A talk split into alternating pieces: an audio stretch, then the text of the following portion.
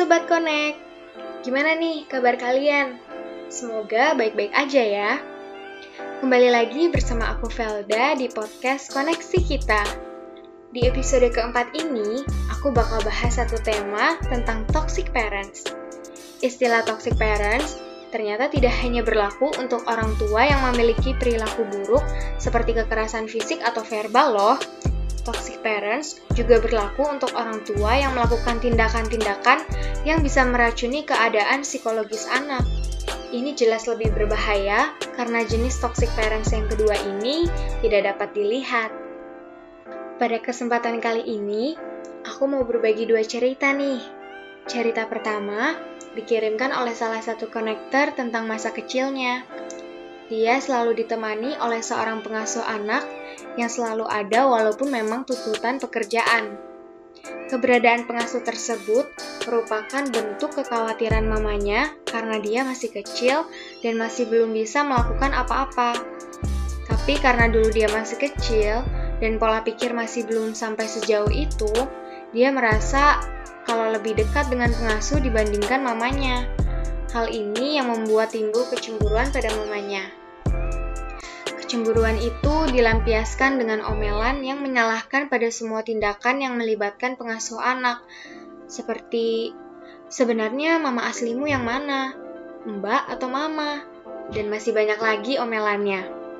Omelannya bukan hanya sekali, bisa dibilang sering, ya sangat sering. Ingin sekali membantah balik omelannya, tapi dia merasa dia hanya anak kecil. Dengan adanya status anak, yang pasti tidak akan pernah menang jika berdebat dengan seorang mama. Kalau menang pun, pasti akan dicap anak kurang ajar. Sebenarnya kalau dipikirkan lagi, kesalahan tidak 100% ada di dia. Kesalahan juga ada di mamanya, di mana mamanya kurang bisa memanajemen waktu dengan baik dan belum dewasa secara emosional pada saat itu.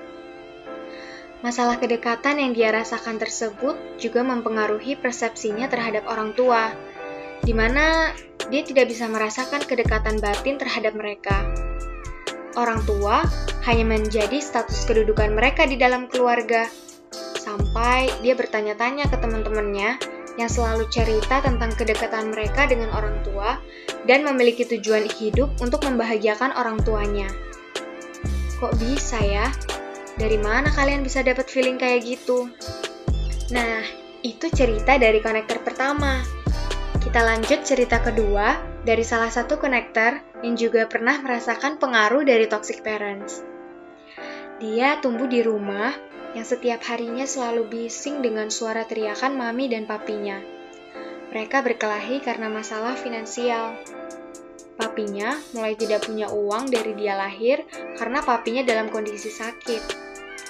Dia diberi julukan anak pembawa sial dan selalu jadi sasaran empuk tiap maminya stres karena masalah uang. Bahkan, maminya pernah merasa menyesal melahirkan dia karena dianggap kurang berguna.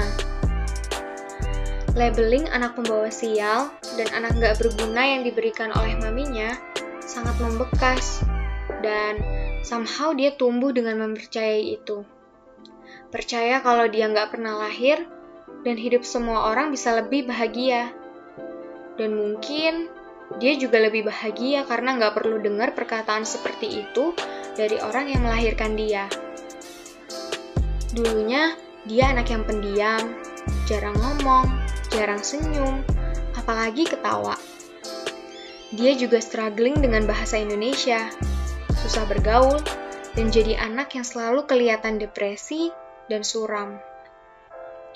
Tapi satu hal yang dia syukuri adalah Tuhan bisa memberi IQ yang tinggi dan dia berusaha untuk memanfaatkan kelebihannya untuk membuktikan ke maminya bahwa dia bukan anak yang gak berguna.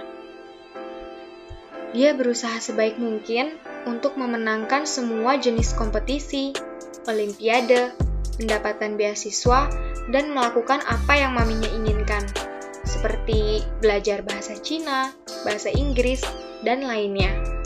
Hal ini dilakukan agar maminya bangga. Dia selalu merasa maminya gak pernah sayang karena sering kali diabaikan dan disalahkan atas segala hal yang memang bukan salahnya. Terkadang, kekerasan fisik juga dilakukan untuk melampiaskan rasa stres maminya. Sampai di suatu titik, dia mulai kuliah dan konseling. Dia pernah bilang ke konselor, "Saya ingin bisa berhenti mengharapkan kasih sayang mami saya. Saya ingin berhenti mengharapkan sesuatu yang gak mungkin." Tapi ternyata Tuhan punya rencana lain. Beberapa bulan sejak dia mulai kuliah di luar kota dengan harapan bisa jauh dari maminya, entah bagaimana akhirnya dia dan maminya sering bersama. Itu terjadi saat maminya difonis kanker ginjal stadium lanjut dan dia mengalami autoimun. Dunia serasa hancur, tetapi mereka memulai perjalanan sebagai ibu dan anak. Mereka mencoba menangani penyakit bersama. Dia mulai merasakan kasih sayang maminya, di mana maminya rela menghabiskan banyak biaya untuk pengobatan. Dia juga akhirnya sadar kalau maminya sayang banget sama dia, dan kakak-kakaknya selalu bilang kalau dia anak emasnya mami, tapi dia nggak pernah sadar akan hal itu. Sebenarnya, masalah yang dialaminya sesederhana miskomunikasi dan ungkapan atau bahasa cinta yang beda tiap-tiap orang. Dia lebih menyukai physical touch dan words of affection. Sedangkan maminya adalah giving gifts dan tindakan melayani dan selalu bisa menuruti keinginan anaknya. Diagnosis kanker dan autoimun benar-benar membuat dia sadar akan hal-hal yang sebenarnya bisa diperbaiki. Butuh bertahun-tahun untuk bisa belajar melihat kejadian dari berbagai sisi dan mereka akhirnya bisa saling memaafkan dan mengungkapkan rasa sayang hanya dengan kejadian tersebut. Kejadian di mana dia melewati 18 hari terkelam di hidupnya. Melihat maminya kritis, koma, dan akhirnya meninggal. Tapi, 18 hari itu juga merupakan hari terbaik dalam hidup dia karena dia dan maminya bisa saling mengenal satu sama lain. Dari cerita ini, dia berharap kalau kita nggak perlu sampai menunggu kejadian yang tidak menyenangkan seperti sakit atau semacamnya untuk sadar bahwa orang tua sebenarnya sayang banget sama kita. Seburuk apa pun mereka, kita harus paham kalau mereka punya alasan sendiri dan mereka juga sedang berjuang.